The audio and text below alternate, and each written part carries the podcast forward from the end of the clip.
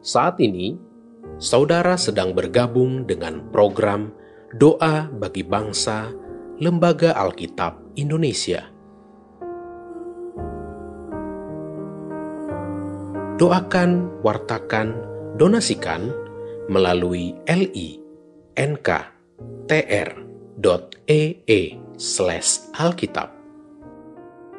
Bapak, Ibu, dan anak-anak yang terkasih di dalam Tuhan, sebelum kita berdoa, terlebih dahulu kita dengarkan satu ayat firman Tuhan yang terambil dari Mazmur 107 ayat 19.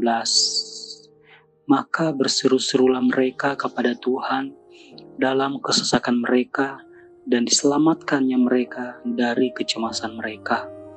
Mari kita berdoa.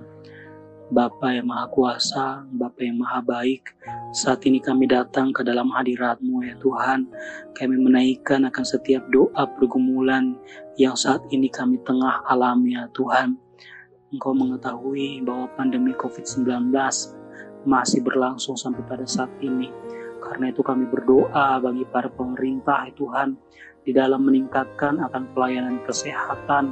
Tuhan memberikan kesehatan, kekuatan, hikmat, bahkan otoritas daripadamu ya Tuhan di dalam upaya peningkatan pelayanan kesehatan ini ya Tuhan dan penemuan akan vaksin dan obat penawar juga engkau turut campur tangan agar semua yang diupayakan boleh berhasil dan membuahkan hasil yang baik bagi setiap umatmu ya Tuhan.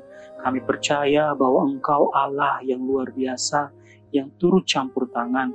Kami juga berdoa ya Tuhan bagi setiap keluarga-keluarga Kristen yang berada di mana saja ya Tuhan. Kami berdoa di dalam nama Tuhan Yesus.